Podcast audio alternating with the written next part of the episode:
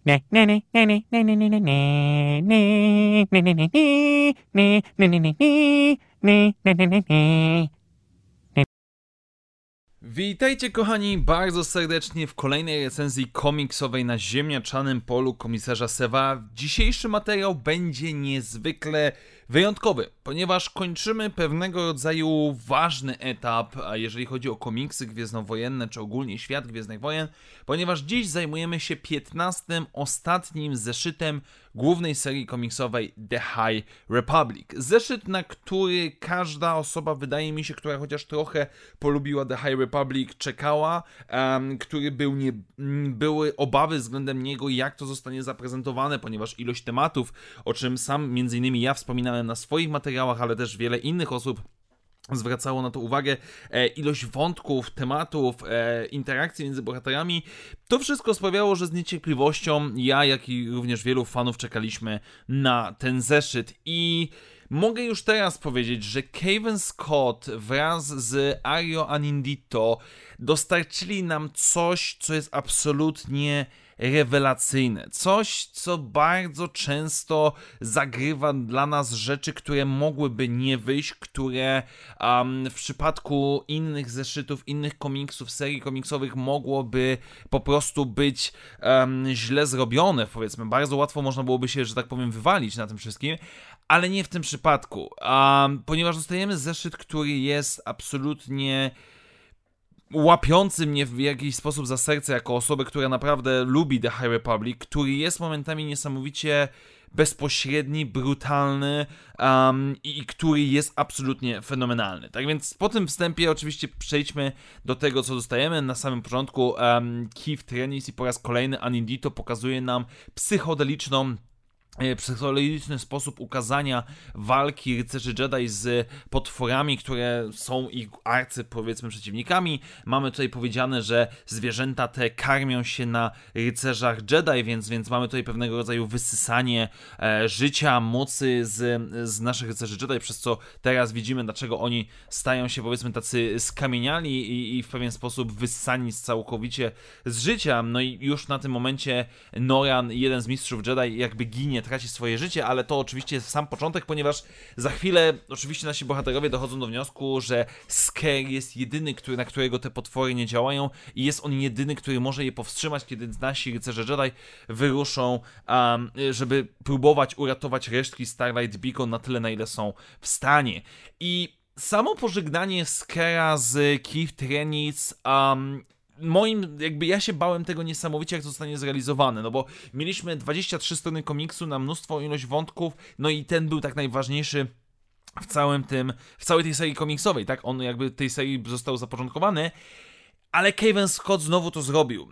znowu za pomocą kilku prostych dialogów, nawet przewidywalnych dialogów oraz rewelacyjnie narysowanego Skera, który w końcu jest, powiedzmy, szczęśliwy, który znalazł swój cel w życiu, który po tych wszystkich 15 zeszytach e, rzucania się troszeczkę z kąta w kąt, niepewności, e, nierozumienia po co jest, dlaczego moc dała mu to, co mu dała, on w końcu w całej tej sytuacji znajduje swój cel i potem jego pożegnanie i, i powiedzenie, że e, The Force is with me now and forever i jego powiedzmy okrzyk bojowy względem potworów, no absolutnie dobijająco rewelacyjne. Po prostu coś pięknego, niesamowitego i, i Scare, mimo że ginie, absolutnie dla mnie na zawsze zostanie w moim sercu.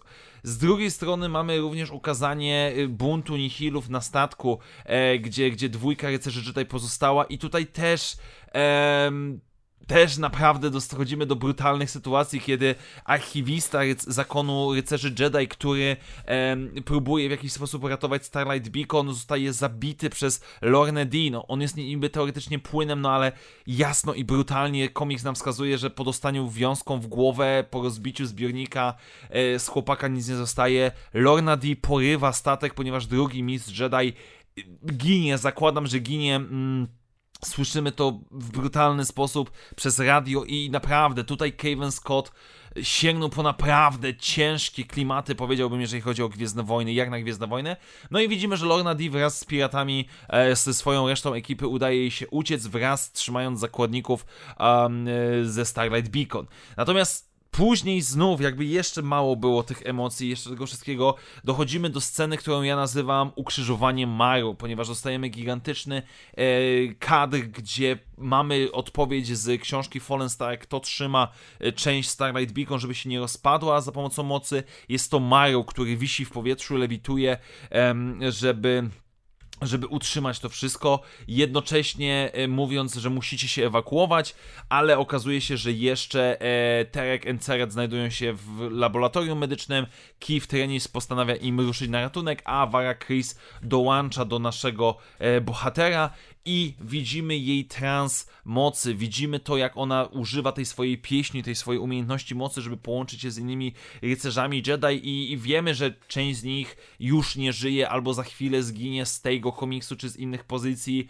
Um, wiemy, że niektórzy są zaginieni i, i to jest niesamowite. I mimo wszystko pokazanie, jak w tej momencie próby ci wszyscy nasi bohaterowie walczą. I, i to jest naprawdę rewelacyjnie pokazanie tego ducha e, rycerzy Jedi w tym okresie.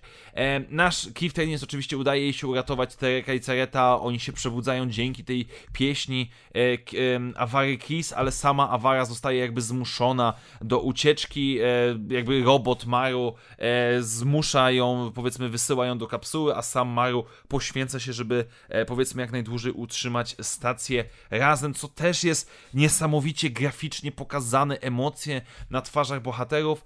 No i na samym końcu mamy lądowanie na, na planecie oczywiście.